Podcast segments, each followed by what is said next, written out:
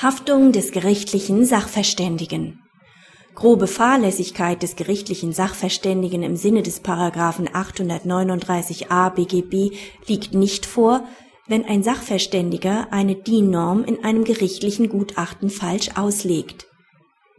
Der Auftraggeber beauftragt den Auftragnehmer mit Sanitär- und Heizungsbauleistungen.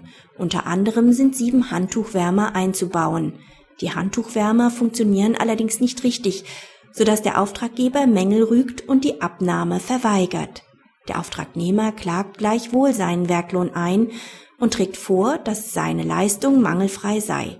Der gerichtliche Sachverständige untersucht die Heizung und stellt bestimmte Mängel fest. Unter anderem legt er dar, dass sich aus der anwendbaren DIN-Norm 4725 das Erfordernis ergebe, die Handtuchwärmer nicht an den Heizkreis der Fußbodenheizung anzuschließen.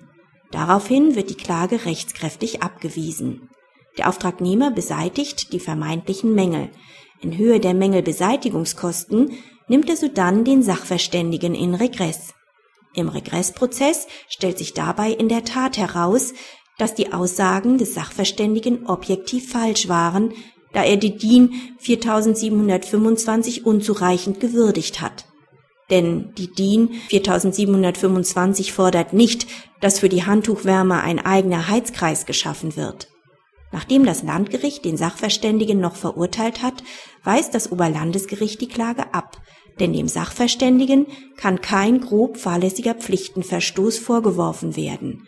Grobe Fahrlässigkeit nach 839a BGB setzt voraus, dass die erforderliche Sorgfalt in ungewöhnlichem Maße verletzt wurde, ganz naheliegende Überlegungen nicht angestellt oder beiseite geschoben werden und dasjenige unbeachtet geblieben ist, was sich im gegebenen Fall jedem aufgedrängt hätte.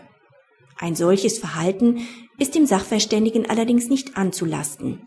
Dies folgt bereits daraus, dass der Sachverständige das Landgericht und das Oberlandesgericht im Vorprozess von seiner Meinung überzeugt hat, so dass die Werklohnklage des Auftragnehmers abgewiesen wurde.